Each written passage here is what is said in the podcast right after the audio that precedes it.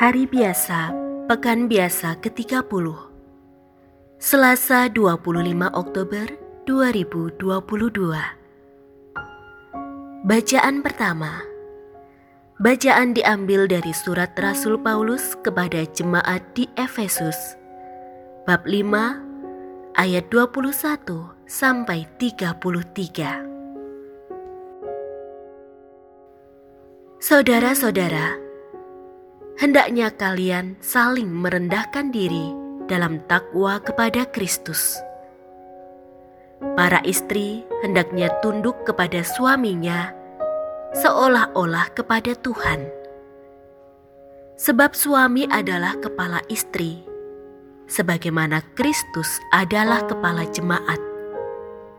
Dialah yang menyelamatkan tubuh.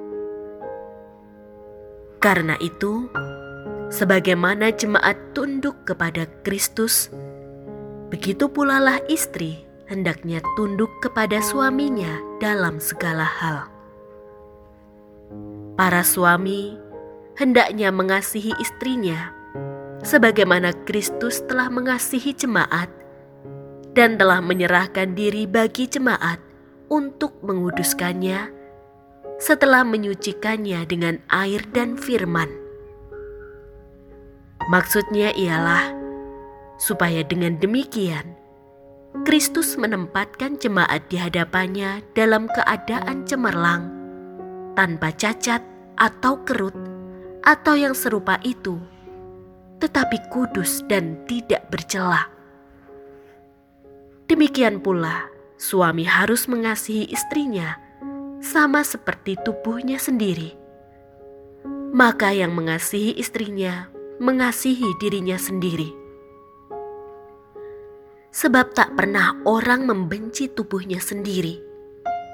Sebaliknya, ia merawat dan mengasuhnya seperti Kristus terhadap jemaat karena kita adalah anggota tubuhnya.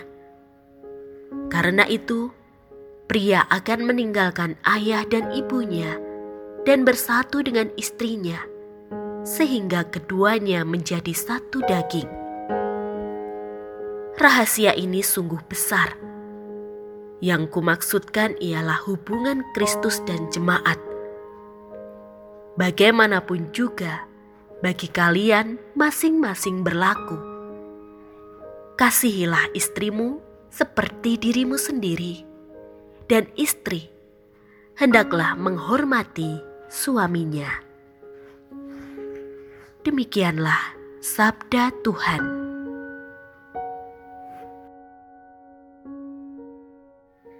Bacaan Injil Bacaan diambil dari Injil Lukas bab 13 ayat 18 sampai 21.